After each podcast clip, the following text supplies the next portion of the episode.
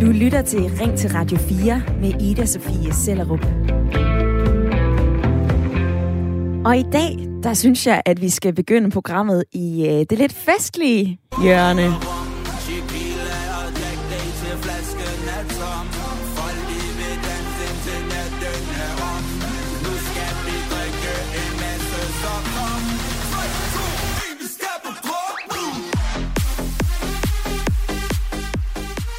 Ja, du bliver nok ikke overrasket, når jeg fortæller dig, at øh, de danske unge, de drikker store mængder alkohol, når de går i byen eller til fest. Det er vodka, det er shots, det er øl, det er mokai, breezers, papvin fra Netto, you name it. Det ved vi. Og det kan også godt være, at du selv har drukket rigeligt, da du var ung, og skjulte øl i busken, så dine forældre ikke vidste, hvor meget du egentlig tog med. Det gjorde jeg i hvert fald selv, og øh, jeg ved ikke, om mine egne forældre vidste, hvor meget jeg drak. Men en ny undersøgelse viser, at mange forældre stadig ikke ved, hvor meget deres unger hælder indenbords. Kraftens bekæmpelse har nemlig spurgt knap 1000 forældre, og 76 på 76 procent af dem tror, at deres unger drikker mindre, end de reelt set gør i virkeligheden. Og det er altså kun 1 procent, der mener, at deres børn drikker mere end gennemsnittet.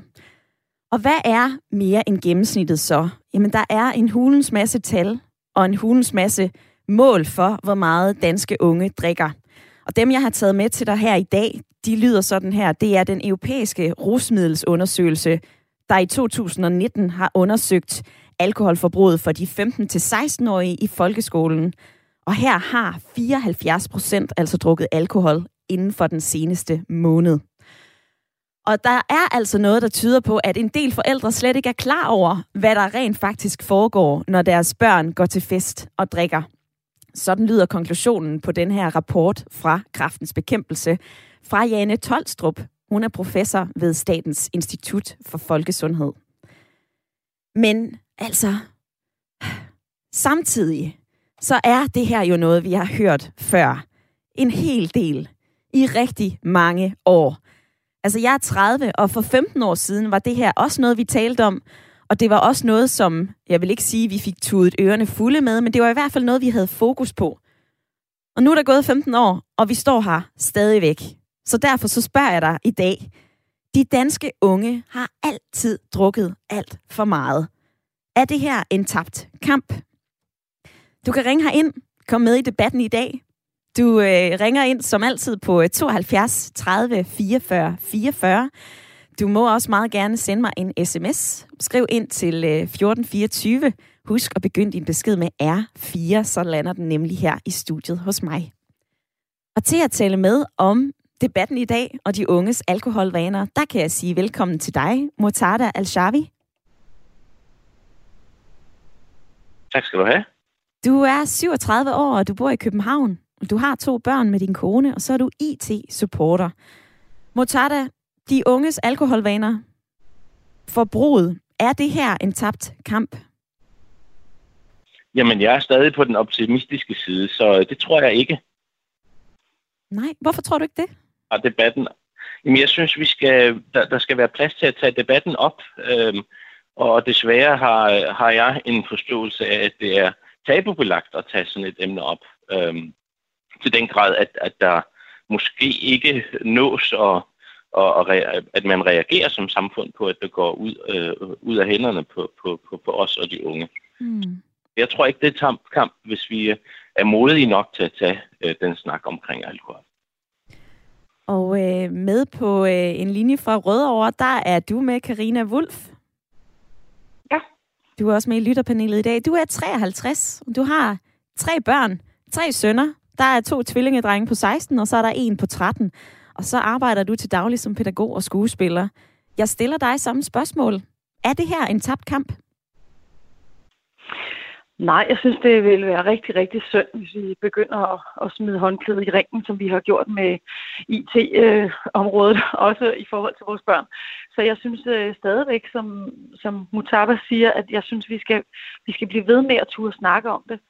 Og så er der måske også nogle forældre, øh, som, måske skal gå på kompromis, hvis vi skal nå for eksempel i klasserne til en eller anden form for enighed om, øh, hvad det er, vi gør. Fordi det er nok der, at vi står stærkest, øh, øh, hvis vi er enige om, hvad det er, vi gør, og hvordan, hvordan vi gør det. Øh, fordi der er ikke nogen, der har lyst til at efterlade deres børn i øh, uden for fællesskabet, kan man sige. Mm. Ja, I hvert fald ikke, ja. Og Motada og øh, Karina, I er med i dag i lytterpanelet i Ring til Radio 4, og øh, det skal I have tak for.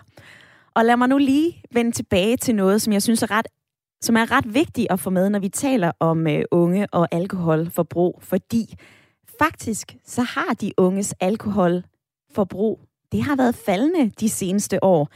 Også selvom at debatten ofte handler om, at de netop drikker for meget. Altså danske unge begynder at drikke senere end tidligere.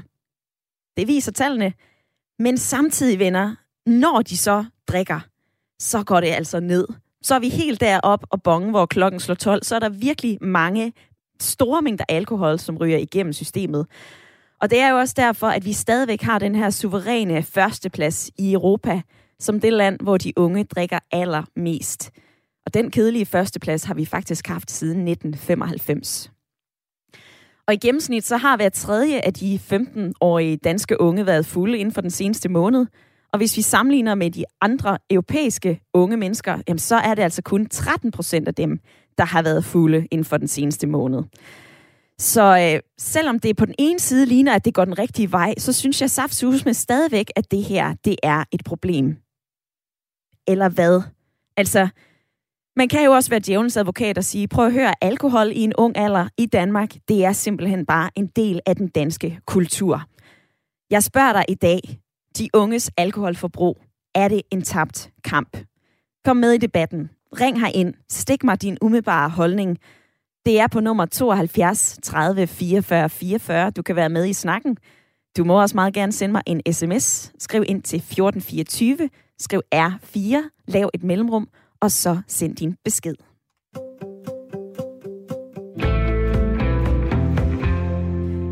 Og Karina i lytterpanelet, lad mig lige vende tilbage til dig. Øh, du er jo mor til tre sønner og et sæt tvillingedrenge på 16 år. Og nu læste jeg lige den her undersøgelse op fra Kraftens Bekæmpelse, der viser, at langt størstedelen af forældrene, de tror, at deres unger drikker mindre, end de reelt set gør. Øh, så de har måske ikke nogen anelse om, hvor meget deres unger de drikker. Altså har du en anelse om, hvad dine sønner de hælder indbords? Ja, på den måde, at øh, de par gange, det egentlig er sket indtil nu, der, øh, der er de jo kommet hjem, og den ene gang har den ene været, været fuld, men ikke så fuld, så han ikke var kontaktbar på nogen som helst måde. Jeg kunne bare fornemme, at han var fuld. Og det har været sådan et par enkelte gange, hvor at, øh, jeg egentlig bare glæder mig på deres vegne over, at de mærker, et lille sus over, at øh, gud, der er noget, der er anderledes end den her fuldstændig øh, øh knivskarpe, som man har til hverdag.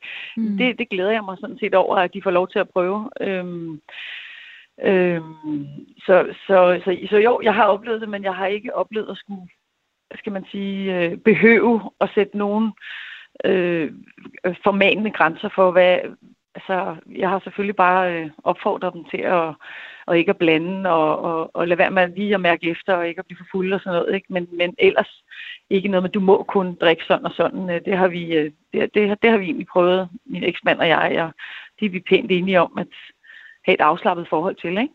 Men hvordan kan det være, at, øh, altså det lyder jo til, at I netop har en klar holdning, men hvordan kan det være, at du ikke løfter pegefingeren og siger, du skal simpelthen ikke drikke, før du bliver 16, og du kan købe det selv?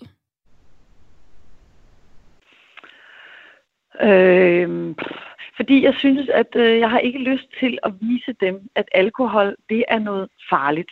Mm. Jeg til at vise dem, fordi jeg har helt, fordi de var ganske, jeg ved, sådan fem år, øh, jamen, øh, om at smage, så jeg lige fået lov til at få en smag af min øl. Jeg har ikke været bange for, at uh, der er alkohol i, og nu bliver du nok øh, alkoholiker. Øhm, det er fordi, jeg, jeg synes, øh, når de så bliver 15 år, jamen, så jeg kan faktisk bedre lide mørkeøl, end jeg kan lide den lyse. Så det er egentlig smagen, øh, som de går efter. Øhm, så, øhm, så, så det ikke er procenterne. Mm. Og jeg tror, det er det, jo mere, jo mere øh, skræmmebillede man får sat op, jo mere ivrige bliver de også efter at få fat i de der procenter. Ja. Øh, det er sådan egentlig lidt det, jeg tænker. Med mine egne børn, jeg kan slet ikke svare for andres. Nej. Altså. Nej, og det er jo også, øh, altså det her emne, det er jo, på den ene side er det noget rigtig stort, det er jo et, en samfundsdebat, og på den anden side, så er det jo også børneopdragelse. Det er jo netop op til øh, den enkelte forælder at have et ansvar for sit barn. Altså har du oplevet, Karina, at øh, nogen har syntes, at du har været en lidt sløset forælder, fordi du har lavet dine børn smage af din øl, eller at de kan få Bailey i kaffen, selvom de faktisk er mindreårige i forhold til det? Mm, Ja, det har jeg. Altså, øh, og jeg tror da også, jeg var lige på tur med en veninde her, som har en 16-årig søn, og jeg putter noget kalua i kaffen og siger, men skal de smage det, drengene? Og så siger hun, at hendes søn, han skulle ikke smage. Jeg tror egentlig, jeg tror, han, han er 15 år, men han skulle ikke smage, øh, fordi de havde en aftale i klassen om, at de måtte ikke drikke alkohol, før de blev 16. Øhm, og hvor jeg tænker, wow, de laver en aftale i skolen, som hun tager med hjem i privaten. Øh, og der, der synes jeg et eller andet sted, jeg synes, det er fint, man laver nogle aftaler i skolen, men hvad man gør i privaten, lige frem at tage det med hjem som sådan en, en ja, det, jeg, jeg ved ikke, jeg synes på en eller anden måde, man gør dem mere uansvarlige, end de er. Men altså, jeg skal heller ikke også kunne tale for mine egne børn. De er ret ansvarlige, som jeg oplever det nu. Mm-hmm. Det kan sagtens gå den anden vej. Ja. Det er i hvert fald øh, interessant at høre, hvordan I griber det andet hjemme hos dig, Karina. Øhm, og øh, lad mig lige opfordre til, at øh, dig, der sidder og lytter med derude, kom med i debatten. Vi taler om unge og øh, alkoholvaner i dag. Jeg er ret sikker på, at du har en øh, umiddelbar mening, og i hvert fald en holdning til dagens emne. Så ring herind på 72 30 44 44. Du må også meget gerne sende mig en sms ind til 1424. Husk at begynde din besked med R4. Og det kan jeg også se, at øh, I er gode til. Der er kommet en ind her. Radio 4 Oplys de unge om konsekvenserne af druk, og lad dem selv tage stilling. Oplysning, oplysning, oplysning. Og så har Katarina skrevet den her. Hej Ida, kamp? Spørgsmålstegn. Jeg kunne forstå, at det var en kamp, hvis de unge drak så meget, at de for eksempel ikke kunne passe deres uddannelse, job og så videre, og at de fik en masse følgesygdomme. Men øh, så længe det ikke er tilfældet, så lad da bare de unge mennesker hygge sig. Med venlig hilsen, Katarina.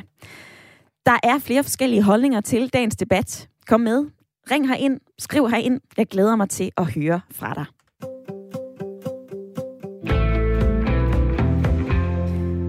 Og den vigtigste opgave som forælder, det er at passe på sine børn. Det mener Ulrik Lauritsen, der er formand for øh, Forældreforeningen Unge og Alkohol.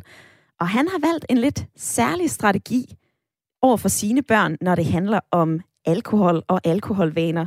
Og det ser ud til at virke, og det synes jeg, at vi skal høre om nu. Så uh, Ulrik Lauritsen, velkommen til Radio 4. Ja, tak. ja, udover at være formand i uh, Forældreforeningen Unge og Alkohol, så er du jo også far til en pige på 19 og en dreng på 14. Og du har gerne vil udskyde dine børns alkoholdebut så lang tid, så længe som muligt. Hvad er det, du helt konkret har gjort for at gøre det? Altså, først og fremmest, så tror jeg, jeg har gjort det, at jeg har snakket med dem, øh, øh, hvad skal man sige, om øh, det og meget andet. Øh, have en god kontakt med dem, sådan at man også øh, som forældre kan nå igennem øh, med de ting, man gerne vil, når det kommer til øh, sådan konkrete ting som alkohol. Øh, så har jeg øh, også fortalt om hvad, man sige, hvad der er farligt ved at, at, at drikke alkohol, eller ikke at drikke alkohol som sådan, men når man er ude i byen og ude i, i festlivet øh, med alkohol, så er der jo selvfølgelig større risiko, end hvis man er derhjemme.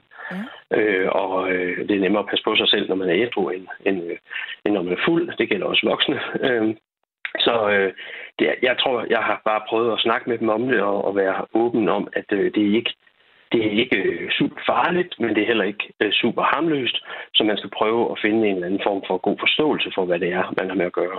Og så har jeg haft den opfattelse, at når unge mennesker på 14-15 år, eller når du er, de gør, starter med at gå til fest, så er det måske en god, måde, en god idé lige at lære at gå til fest først, og så senere lære at integrere alkoholen ind i festerne også, øh, i stedet for at gøre begge dele på samme tid, fordi det øh, tror jeg er rigtig meget at, at bede sådan et ung menneske om at, at administrere.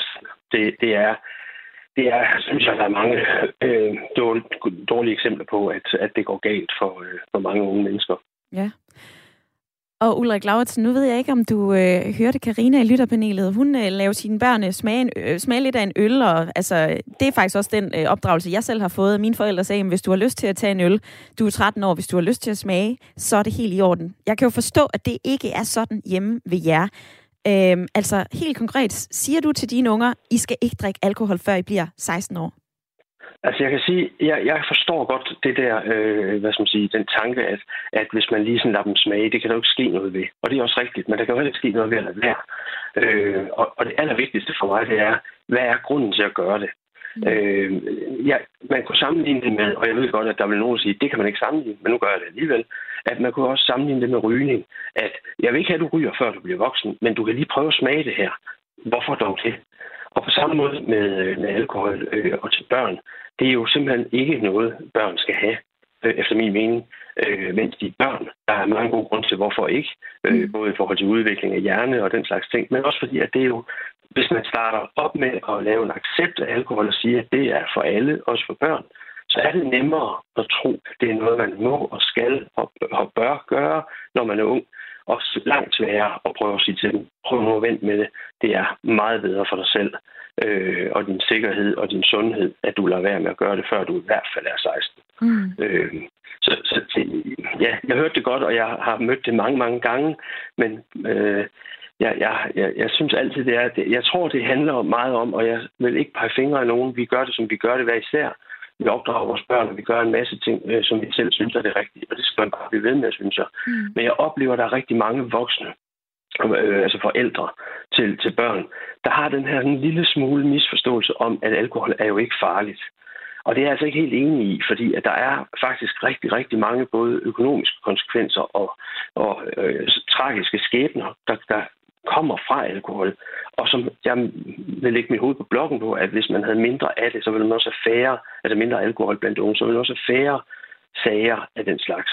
Så jeg, er ikke enig i, at det ikke er farligt. Øh, det kan sagtens gå, og der er mange, der klarer den og ikke kommer til skade, men det er altså ikke ufarligt. Mm. Og for lige at, øh, at kaste lidt fakta ind i, i det her interview, så kan jeg jo sige, at, at øh, alkoholvanerne, de bliver jo øh, grundlagt i ungdommen. Alkohol er kraftfremkaldende. Det er årsag til 10 procent af den samlede sygdomsbelastning i Danmark. Øh, og hvert år så dør dør cirka 4.000 danskere som følge af deres alkoholforbrug. Jeg så nogle andre tal her den anden dag fra Lægeforeningen, som anslår, at op imod en halv million danskere har et skadeligt forhold til alkohol. Så man kan i hvert fald sige, at det her, vi diskuterer også, om det er en del af den danske kultur, altså det at være dansk af at drikke alkohol. Altså uanset hvad, så kan vi bare konstatere, at for meget alkohol, det skader simpelthen. Det er ikke sundt.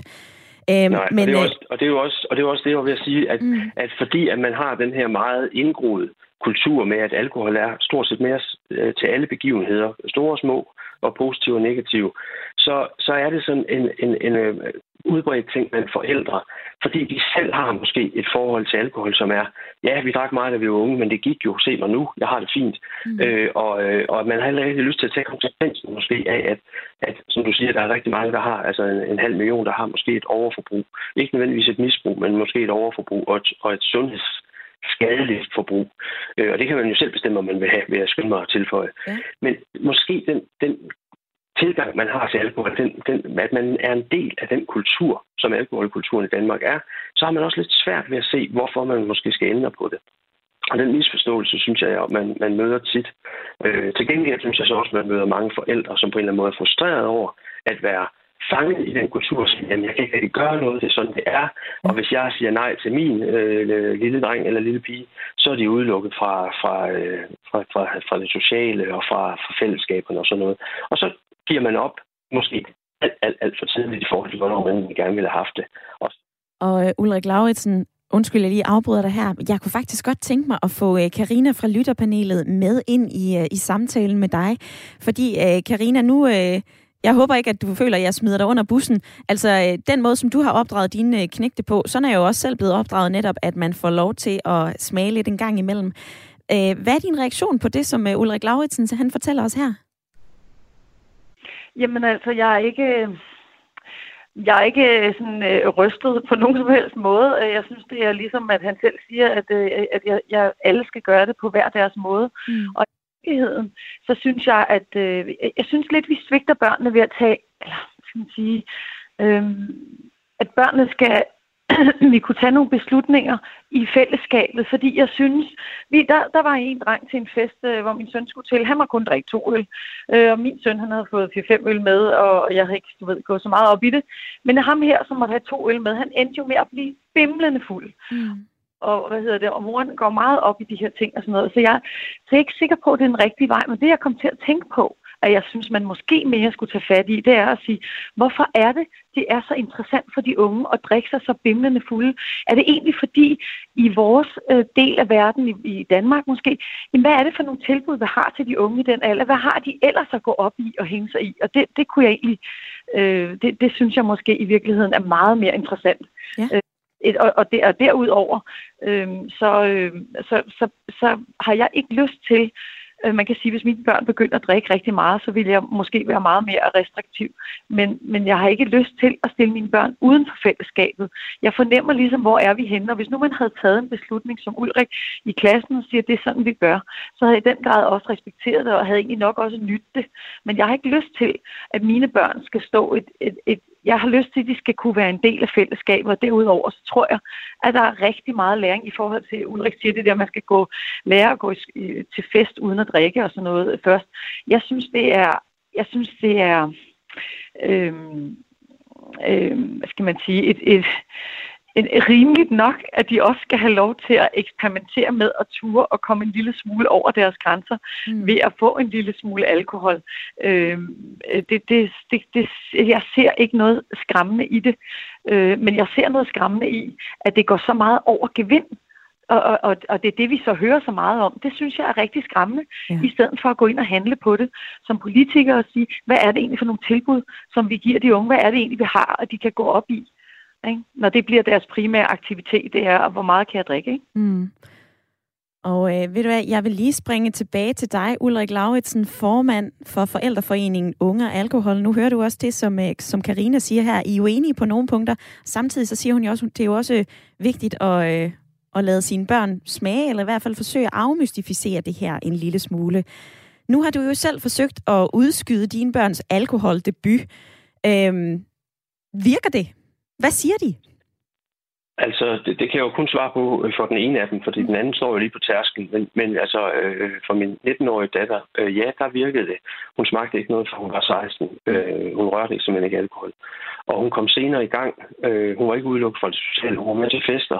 Selvfølgelig skulle hun forklare, hvorfor hun ikke drak til nogle af hendes øh, venner. Øh, men nogen synes, det var latterligt, og andre synes, det var mega sejt. Mm. Øh, så, og så hun landede sådan set... Øh, der, hvor hun skulle. Og så begyndte hun at, gøre det en lille smule, og så har hun måske skruet lidt mere op øh, hen, ad, hen ad vejen. Og øh, nu er hun 19, og det passer hun selv. Øh, vi snakker om det stadigvæk, men, men hun passer det selv. Mm. Så ja, for hende virker det. Øh, min 14-årige søn, det ved jeg jo ikke endnu, øh, men jeg tror, at øh, han har en indstilling, at det vil han egentlig også gerne gøre. Det kan han godt se det fornuftige i, og man ser også lidt op til sin store søster, når man er 14. Yeah. Så det passer også udmærket. Men jeg vil også gerne lige sige noget til det, som øh, Karina sagde før. Øh, Øh, Øh, jeg er meget, meget enig i, at man gør det øh, på sin egen måde, øh, hver især, øh, som man passer. Og jeg synes, det er rigtig klogt, det hun sagde, inden jeg kom på, om at man kigger lige på sine børn og ser, hvem er de? Er de ansvarlige? Er de gode til at tage sig bare på sig selv? Og så kan man selvfølgelig godt, der er jo ikke, der er jo ikke nogen ting, der er mejslet i granit om, at 16, så kan man, 15, så kan man ikke. Så selvfølgelig kan man kigge på sine børn og se, hvordan det vil, vil virke. Det, som jeg snakker rigtig meget om og for, i, øh, i foreningen, det er jo, at jeg synes, vi er for dårlige til at passe på vores unge mennesker på samfundsniveau.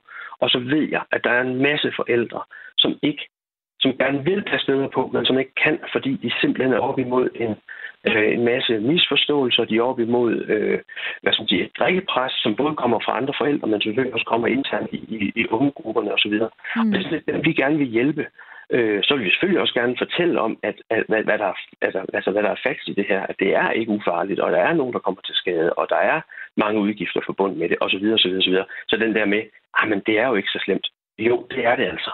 Men det kan godt være for den enkelte, at det ikke har været slemt. Men det er jo ikke et bevis på, at det ikke er det på et, på et større niveau. Nej, lige præcis. Og det, øh, det har du ret i, Ulrik Lauritsen, formand for øh, Forældreforeningen Unge og Alkohol.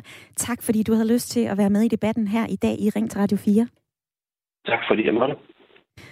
Og øh, vi, vi taler jo om unge og øh, alkoholvaner. Jeg spørger dig lidt flabet i dag, om det er en tabt kamp, eller om vi skal kaste os ind i den her jamen, kamp for at forsøge at få vores unge mennesker til at drikke mindre, og måske også lige tage fat i det der omtålige emne, nemlig at alkoholkulturen her i Danmark, den er sgu da ret råden. Vi taler videre efter et nyhedsoverblik. Du kan ringe her ind 72 30 44 44 eller send en sms til 1424. Nu skal du have nyheder. Du lytter til Ring til Radio 4 med Ida Sofie Sellerup. Og jeg synes, at øh, vi skal fortsætte i samme drukstil, drukdebat, hvor vi slap.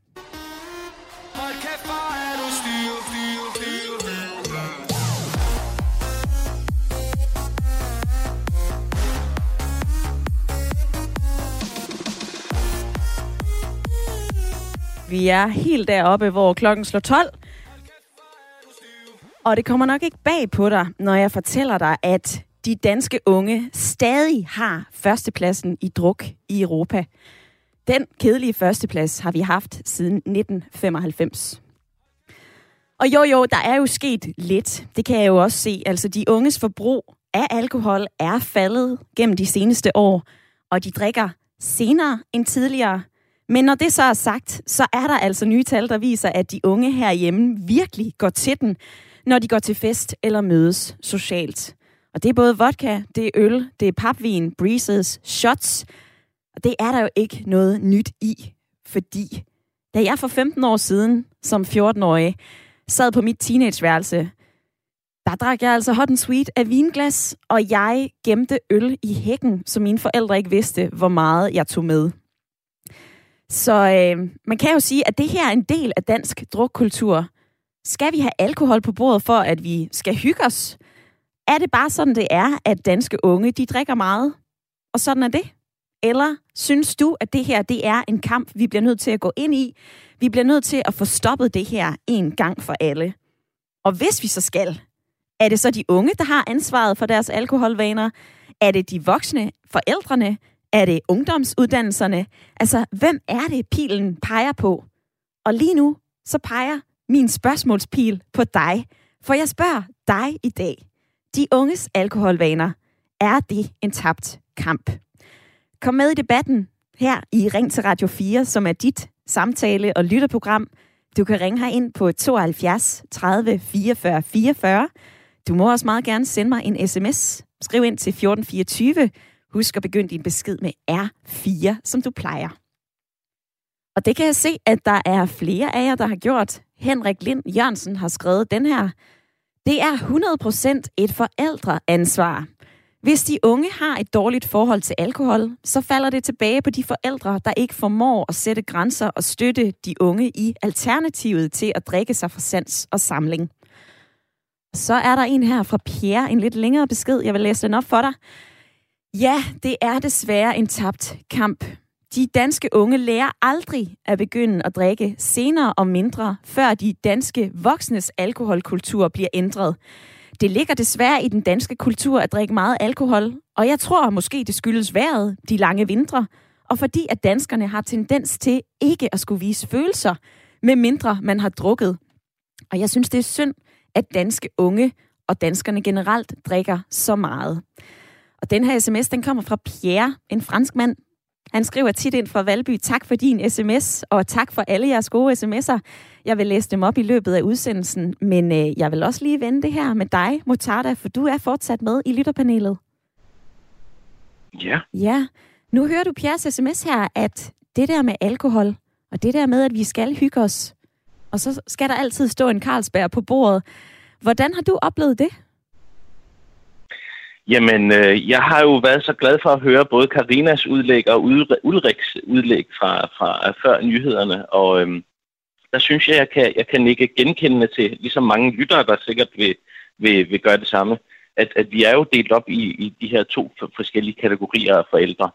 Øhm, og, og der vil jeg, så jeg vil være enig med Pierre om, øh, at, at, at der er nogen, der, der skal gribe ind. Øh, ikke til at udelukke alkohol fra, fra, fra dagligdagen eller fra kulturen, eller helt ændre et, et kultur, som, som er så så, så stor en del af, af vores samfund, mm. men måske at sætte nogle grænser, uden at man bliver demoniseret for øh, at sige sin mening. Ja. Så jeg har været meget glad for at høre blandt andet Ulriks udlæg for, hvordan han som forældre øhm, blandt andet har haft den tilgang, han har i forhold til at øh, ikke helt udelukke alkohol fra øh, hans børns liv. Øh, for de som børn, vi som forældre, jeg er jo ikke, øh, jeg har ikke det største erfaring som for, forældre, nu har jeg jo kun været far øh, i 10 år. Mm. Jeg kan ikke genkende til, det er, det er jo et ansvar, som vi forældre øh, har, øh, men vi er ikke alene om det. Og, og Mutata, jeg skal lige huske at nævne, du nævner jo Ulrik Lauritsen, som øh, vi havde med her i første halvdel af Ring til Radio 4. Det var formanden for øh, Forældreforeningen Unge og Alkohol, og han kom ind på, at øh, han blandt andet har en meget klar holdning til det her, og han taler også meget med sine børn, sine to børn om det her. Hans datter på 19 og hans søn på 14. Noget, som du nævnte i begyndelsen af programmet, og som jeg også lige vil spørge dig til igen, det er den danske alkoholkultur. Altså er vores alkoholvaner, ung som gammel, et tabubelagt emne at tage op? Det synes jeg, øh, og der er det der, hvor jeg tænker, at det vil være på sin plads at, at tage emnet op, øh, i hvert fald i Radio 4, hvor mange lyttere lytter med. Øh, for det er jo noget, som jeg tæt på, på, på mig selv har oplevet i mine gymnasietider og øh, også senere i universitetsstudiet. Øh, at det fylder så meget, at, at nogle unge, selvom Ulrik øh, som en af de forældre, der øh, lærer sine børn og giver dem, præsenterer dem over for alkoholen, både øh, på godt og, og ondt, øh, at, at de ikke kan komme udenom, at der kan være en form for pres øh, i skolen, øh, pres i gymnasiet, øh, at man simpelthen ikke kan være en del af øh, fællesskabet, med mindre man drikker. Mm. Det er der, hvor, hvor min kæde hopper af. Øhm, jeg synes nemlig ikke, at der er nogen, der skal udsættes for, for, for pres øh, eller tvinges til at være en del af fællesskabet ved at gøre det samme, som, som de andre gør. I hvert fald ikke øh, uden fri vilje. Siger Mutarda i lytterpanelet, og øh, du er med de næste 20 minutter af Ring til Radio 4. Og det er jeg glad for, og øh, egentlig også glad for, at der har øh, grebet knoglen, og i hvert fald er med på en telefon. Det er dig, Knud. Du er 68, og du er med fra Ballerup. Det tror jeg i hvert fald, du er. Ja, ja, jeg kan høre dig. Ja, ved du hvad, der var du, Knud. Øhm, du har også, øh, altså den her debat, den har også vækket noget i dig. Fordi, ja, men, altså, ja. Nej, fortæl, fortæl videre. Nej, jeg vil bare sige, at, øh, at, at det kræver, at du synes, at det, det her, det kræver simpelthen, at forældrene, de forstår alkoholen, for, de forstår alvoren, fordi alkohol, det er mega giftigt. Ja, altså hvis vi ser på statistikkerne, så kan vi jo se, at, det, at alkohol jo øh, også i både, både i store mængder, men også i, i moderate mængder, altså kan give fosterskader og kan give alle mulige sygdomme og giver ulykker og, og, og skælderier og kriminalitet osv. Så, så, så det er forkert at, at bagatellisere eller gøre alkohol til noget harmløst mm. og sige, ja, men man kan bare lære at drikke en lille smule, og det skal nok gå. Og jeg mener, og jeg ved godt, det her, det, nu, får jeg, nu stiller jeg dem op på, på, på, på Øretandens Højplads, men jeg mener, at de forældre, der har det synspunkt, de virkelig plejer deres egen madighed, fordi de ikke selv vil skrive ind over for deres eget forbrug. For det er jo lidt svært at stå med løftet pegefinger over for de unge mennesker, hvis man selv tager livet af et par flasker rødvin hver lørdag. Mm. Knud, har du selv børn? Nej, jeg har ikke selv børn, men jeg har været barn i en, i en alkoholiseret familie, ja. så jeg ved, godt, hvad, jeg ved godt, hvad jeg snakker om. Og hvordan oplevede du øh, det? Altså, øh, hvordan fik Jamen, du et forhold til alkohol gennem den måde, din familie var på? Jamen altså, jeg, jeg, jeg, jeg reagerede på den måde, at jeg holdt helt op med at drikke. Altså, jeg, jeg, jeg rører det ikke, vel. Øh, det er, så, det er også fordi, jeg, ikke, jeg brød mig ikke om at være påvirket i det hele taget, vel. Men, men, men, men altså, der er andre til af min familie, som har haft en anden, en anden udvikling. Mm. Men det er, så en anden, det er så en anden historie. Altså, jeg vil bare sige, at, at man, man kan ikke bare sige, at det går nok. Fordi unge mennesker, altså vi snakker om, om børn, altså 12, 13, 14, 15 år, de kan ikke administrere øh, øh, beruselsen. Altså, det, det, det mener jeg ikke, de kan, og, og de skal slet ikke have den. Altså, øh, man, man, man, man, man grundlægger altså en, en holdning og en opfattelse af tilværelsen af, at man bare kan flygte fra den ved at drikke noget spiritus. Mm.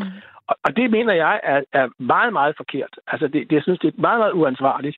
Men det har så måske rødder i, som også andre har sagt her, at, at forældrene jo selv er på den, ikke? Altså, man kunne kalde dem fritidsalkoholikere, fordi de, de drikker altså så der en kæppe i øret øh, i weekenden, ikke? Også derhjemme, og også, da de skal til fest, og, og så videre, ikke? Ja. Nu er så, der forskellige måder at, at gå til det her på, Knud, og det er også godt at, at få din stemme med i debatten i dag. Altså, vil du så foreslå, at man som forældre går ind og siger, prøv at høre, så kvitter vi alkohol fuldstændig. Jeg skal ikke drikke, mine unger skal ikke drikke alkohol, Carlsberg, you name it. Det skal simpelthen ikke inden for husets fire vægge. Ja, altså nu, nu, nu, nu bliver du personlig, ikke også? Jeg vil jo ikke tage stilling til, hvordan du gør, eller hvordan andre mennesker gør. Mm. Men jeg vil sige, at vores, vores samfund har, har en meget slap holdning til det. Og det er jo også fordi, der er meget stor kommersielle interesse forbundet med for eksempel Carlsberg. Ikke? Ja. Det er jo en meget stor skatteyder, ikke? Den kan jo ikke bare lukke, lukke ned i morgen. Vel? Men, men, men altså, som samfund, øh, der, der mener jeg, at, at vi skal have en langt, langt, langt øh, mere restriktiv holdning til rusgifte i det hele taget. Både alkohol og også andre rusgifte. Og også ligesom lære, at livet gør ondt en gang imellem, og det må man ligesom lære at kunne håndtere. Eller man kan også lære, at man godt kan have det sjovt, uden at have en kæppe i øret. Altså, det er faktisk ikke ret sjovt at være så fuld, at man vil brække sig, vel? Det, mm. det er faktisk ikke særlig morsomt. Det, det, og, og fulde mennesker er bestemt ikke festlige. Nej. de, de er ret irriterende at være sammen med, ikke? Så jeg mener, så jeg, mener, jeg kan ikke rigtig se nogen begrundelse for, at man skal hælde den her nervegift øh, på, på, på sig selv og på, og, og, og, og på andre mennesker og på unge mennesker i det hele taget. Så, så, så jeg ved godt, det, det er et mærkeligt argument at sige, at det er samfundets skyld, fordi det starter selvfølgelig også med den enkelte, eller det slutter også med den enkelte. Ikke? Men jeg mener bare, det må være en, en holdning til det, som, og den skal være meget mere negativ og meget mere restriktiv overfor, overfor alkohol, fordi det er altså ikke barnemad. Det er ikke bare for sjov. Lyder det fra Knud, der ringede ind fra øh, Ballerup. Tak fordi, at du havde lyst til at være med i debatten i dag. Og Knud, han havde øh, ringet her ind på 72 30 44 44. Det må du også gerne. Dig, der sidder derude, der er et kvarter tilbage af dagens program, og jeg vil rigtig gerne invitere dig med i debatten i dag. Du må også gerne være med på en sms. 1424, skriv ind. Kirstine, hun har skrevet den her. Det er et fælles ansvar, både forældre, de unge, ungdomsuddannelserne. Der er en gruppedynamik, der er på spil. Og så har jeg fået den her. Hej Ida, jeg er bekymret som far til tre over den danske alkohol alkoholkultur. Og derfor forsøger vi herhjemme at være et godt eksempel. Vi drikker næsten ikke alkohol eller sodavand, så det bliver ikke en normal del af vores børns liv, når Carlsberg gør alt, hvad de kan for at præsentere alkohol som en del af den danske kultur. Og det er Clement, der har skrevet den besked. Og nu kan jeg sige velkommen til dig, Clement, for nu er du med på en telefon. Ja, hej Ida. Goddags. Jamen, øhm, jeg skal først lige høre, hvor gamle er dine tre børn? Ja, de er ret unge. De er 7, 5 og 3. Okay. Så, øh, så der, går lidt, øh, der går lidt tid før, at, øh, at de kan købe alkohol. Den, øh, det må man det jo købe, jeg, når, man er, ja. når man er 16 år. Ja. Men altså, Clement, nu har du valgt at gøre det her som forældre, simpelthen at sortere ud, og simpelthen at sørge ja. for, at der ikke er alkohol i, i dit hjem. Men altså, jeg, jeg kan jo også godt se, at øh, de unge, de begynder at drikke, når de er 15. Det vil sige, før at de egentlig kan købe i butikkerne. Så det der med at skærme dem for, hvordan og hvorledes, det gør jo ikke noget, for de kan vel alligevel få nallerne i. De kan jo få fingre i alkohol under alle omstændigheder, så hvad hjælper det? Ja, ja, men jeg tror, når der er forældre, det, det kører til Tyskland, så de kan købe uh, billigere øl og soda, og så der er en del for uh, børn jeg tror, det hjælper ikke. Uh, så jeg tror bare, at ikke vise alkohol som en del af bare almindelig livet, at man kan bare drikke hver dag eller hver uge. Mm. Uh, jeg tror, jeg, det hjælper dem at få nogle anden model uh, og at forstå der andre dynamik uh, omkring uh, alkohol og festuddeler. Ja. Jeg står her og kigger på nogle øh, tal, Clement. Øh, det er de unge mennesker, de 15-16-årige, de har svaret på en undersøgelse. 86 procent af dem siger, at de drikker alkohol, fordi de synes, det er sjovt.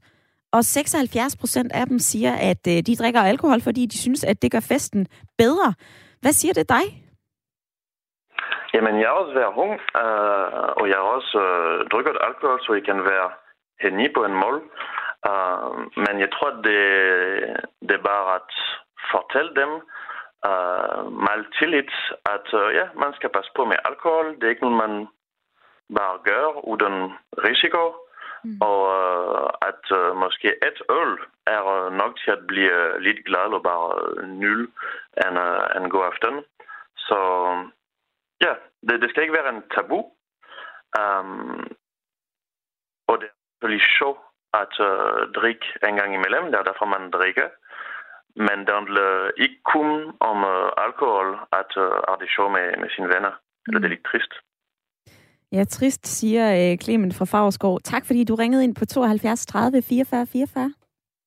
Ha' en god dag. Ha' en god dag til dig også. Og øhm, vi taler jo i dag om de unges alkoholkultur. Hvordan vi kan ændre det, om vi kan ændre det. Og nu synes jeg, at vi skal have en vigtig stemme med i dagens debat. Jeg synes nemlig, at vi skal spørge de unge selv. Og derfor så har jeg ringet til dig, Alma Tynel. Velkommen til programmet. Mange tak. Du er forkvinde for øh, Danske Gymnasieelevers Sammenslutning, og et ungt menneske, som øh, netop har gået tre år i gymnasiet. Altså, den her debat, den handler jo om dig. Den handler om jer.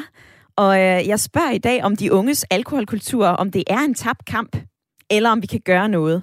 Og allerførst, så vil jeg jo høre dig til det. Du har lige været i, i gymnasiet i tre år, så du har haft den her alkoholkultur ret tæt på. Er det her en umulig kamp at vinde? Nej, det tror jeg slet ikke. Øh, jeg oplever egentlig, at vi har en, en ret fin kultur om alkohol ofte. Øh, vi har et rum, hvor det er sjovt at være sammen, og hvor man kan være fælles om noget, øh, som er at feste og drikke. Og det kan jo være sjovt. Der, hvor det bliver problematisk, det er, når der er nogen, der bliver presset ud i at drikke. Og det tror jeg er et af de største problemer, når det kommer til vores alkoholkultur.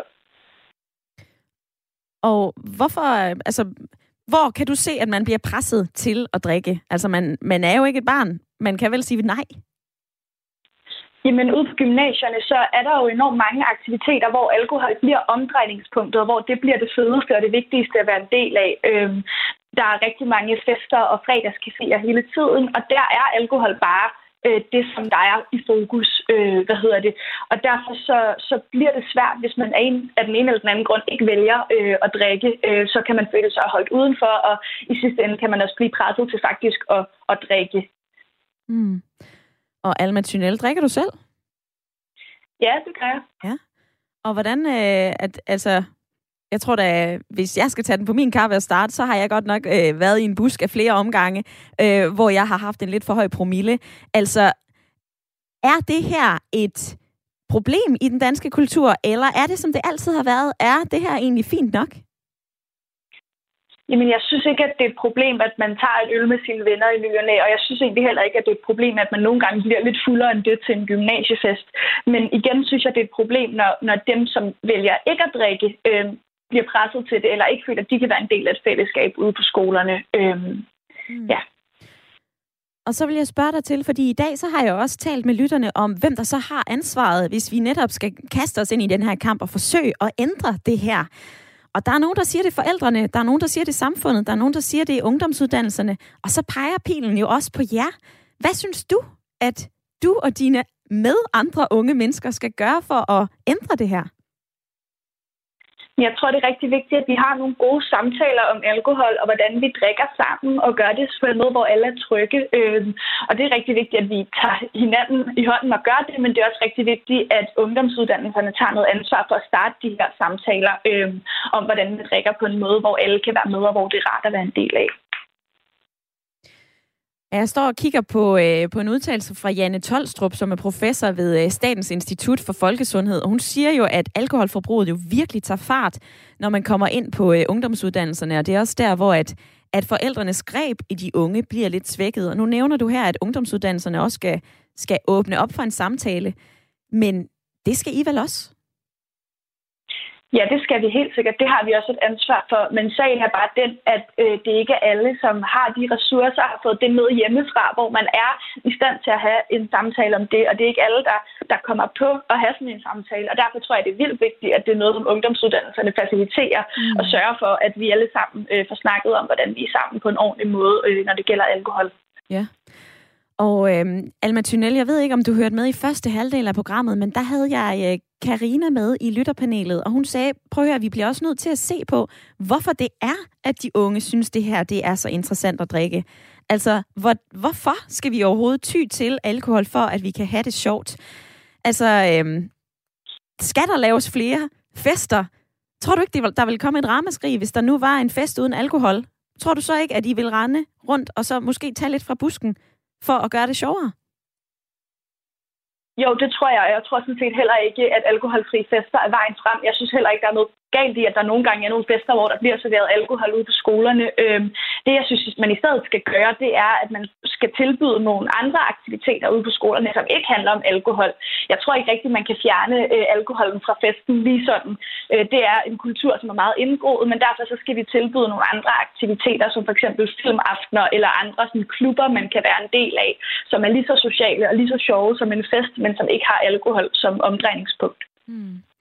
Og så lige her til sidst, Alma Thunel, jeg spørger i dag lidt flabet, om det her det egentlig er en tabt kamp, for vi kan jo se, at øh, de unges alkoholvaner, det er jo noget, som øh, man også tager med sig ind i voksenlivet.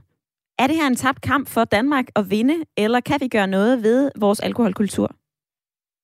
Jeg tror sagtens, vi kan gøre noget i vores alkoholkultur, men det kræver, at vi alle sammen tager et ansvar, og at der også bliver gjort noget ude på ungdomsuddannelserne, og at det også er os elever, som er med til at have ejerskab over at definere, hvordan vi kommer den her kultur til livs. Fordi tit så er det bare de voksne, som øh, putter et eller andet ned over hovedet på os, og derfor er det vildt vigtigt, at os elever er med ind over, hvordan det er, at vi, at vi ændrer kulturen. Mm. Alma Thunel, forkvinde for Danske Gymnasieelevers Sammenslutning. Tak fordi du havde øh, lyst til at være med i debatten i dag. Selv tak. Og lad mig øh, springe fra det interview direkte ned i en fyldt sms-indbakke, fordi Annette hun har skrevet ind på 1424. Man ved, at tryk afler modtryk i alle sammenhænge, også når det gælder unge menneskers alkoholforbrug i sociale relationer. Sundhedsapostle kan ikke flytte noget i et ungt menneskes opfattelse af en selv i forhold til omgang med kammerater, og samtalen fremmer forståelsen. Så øh, pas på fortroligheden mellem voksne og børn, skriver Annette fra Marienlyst. Og så er der den her kultur eller ej, så skal den dårlige kultur ændres. Selvfølgelig skal de unge ikke drikke så meget. Der dør flere af alkohol om året, end der dør af andre sygdomme. Og tidligere så refererede jeg til nogle tal fra øh, Lægeforeningen, og de anslår, at op imod en halv million danskere, altså også voksne mennesker, har et usundt forhold til alkohol. Og det er jo blandt andet noget, som vi grundlægger, når vi er unge. Og derfor så har Per Stine en god idé. Du har ringet ind fra uh, Horsens. Du synes, ja. det kunne være en uh, god idé at sætte sådan noget her på skoleskemaet. Ja, men det er egentlig, fordi jeg tænker, at man jo også er nødt til, der er mange af de ting, der er blevet sagt, men man er nødt til også at kigge på de psykologiske gruppedynamikker, som er på spil. Øh, og jeg tænker, at, øh, at en idé kunne være at også sætte alkohol på skoleskemaet, øh, både i allerede måske i 9. klasse. Ja, og hvad vil det gøre? Jamen, øh, det vil både gøre, som der også er nogen, der har været inde på, det her med at få de unge selv med i det, og give dem en forståelse den vej, og også, at det ikke kun handler om, at det er forældrene, der ligesom skal opdrage til noget andet, eller at det er at de unge selv alene, der skal løfte det her. At det er en fælles opgave, øh, og, og en fæ- et fælles ansvar for at ændre den kultur, der er. Mm. Øhm, og så tænker jeg, at det med at få kigget på, altså det er også ting, der er blevet sagt egentlig, men det her med at få kigget på øh, de dynamikker, der er på spil, når det er sådan, de unge de får den her trang og lyst til at drikke. Mm. Øh, der var flere, der havde skrevet det her med, jamen det, eller de havde i undersøgelsen svaret, at det gør festen sjovere, og de får det bedre. Så er man jo nødt til at kigge på, jamen, hvad er det så, der skal til, for at de får det bedre? Ja. Altså, hvad er det, der er på spil i det her fællesskab? Øh, og der har ungdomsuddannelserne bestemt også et ansvar, og jeg synes, det starter allerede nede i folkeskolen. Og Christine, mens vi taler sammen her, så er der flere, der byder ind på sms'en. Der er en, der skriver ind, øh, en lytter fra Odense. I min optik går det hele galt i konfirmationen, hvor man får lov til at smage og være ja. lidt beruset. Og et halvt år efter, så starter festerne, og man er kun 14 år gammel. Det er alt for tidligt. Unge mennesker bliver introduceret for rusmidler. Øhm, ja. så, så hvad vil du tro? Altså, vil det have nogle effekter på noget på et skoleskema, hvis man i forvejen er lidt skoletræt? Det, det tænker jeg, det vil, fordi jeg synes også, det er et helt forkert sted at putte det på til at starte med, at man får lov at drikke lidt til sin konfirmation. Altså, jeg synes, det er en forkert vej at gå. Jeg synes, det burde være et, et, jamen, jeg synes, det burde være et fag, som de unge bliver introduceret til på en helt anden måde. Altså på sidelinje med, med, med sex og rusmidler, øhm, mm-hmm. som de jo allerede gør i forvejen i skolen. Øh, så tænker jeg, at alkohol skulle ind der også. Og så er det vigtigt at huske på, at det er bare én ting af det, men hvis ikke det bliver fuldt op af det her med, hvad det er, der er på spil i et fællesskab for de unge, altså så, så holder det ingen, altså så hjælper det jo ingenting jo. Siger øh, Kirstine, som var med i debatten fra Horsens. Tak fordi du ringede ind. Jamen selv tak da. Og øh, nu er vi snart ved at være til vejs ende. Så hurtigt kan der lige pludselig gå en time. Hold op, jeg synes, at øh, jamen, I har virkelig mange holdninger til det her, og øh, Mutada, hvad tager du med dig hjem fra dagens debat? Jeg har kun været glad for, at der er så mange, der har deltaget i den debat. Øh, og det gør mig som forældre i hvert fald bedre rustet til, at jeg ikke er alene om kampen, om, øh, om, om det at introducere og præsentere alkohol.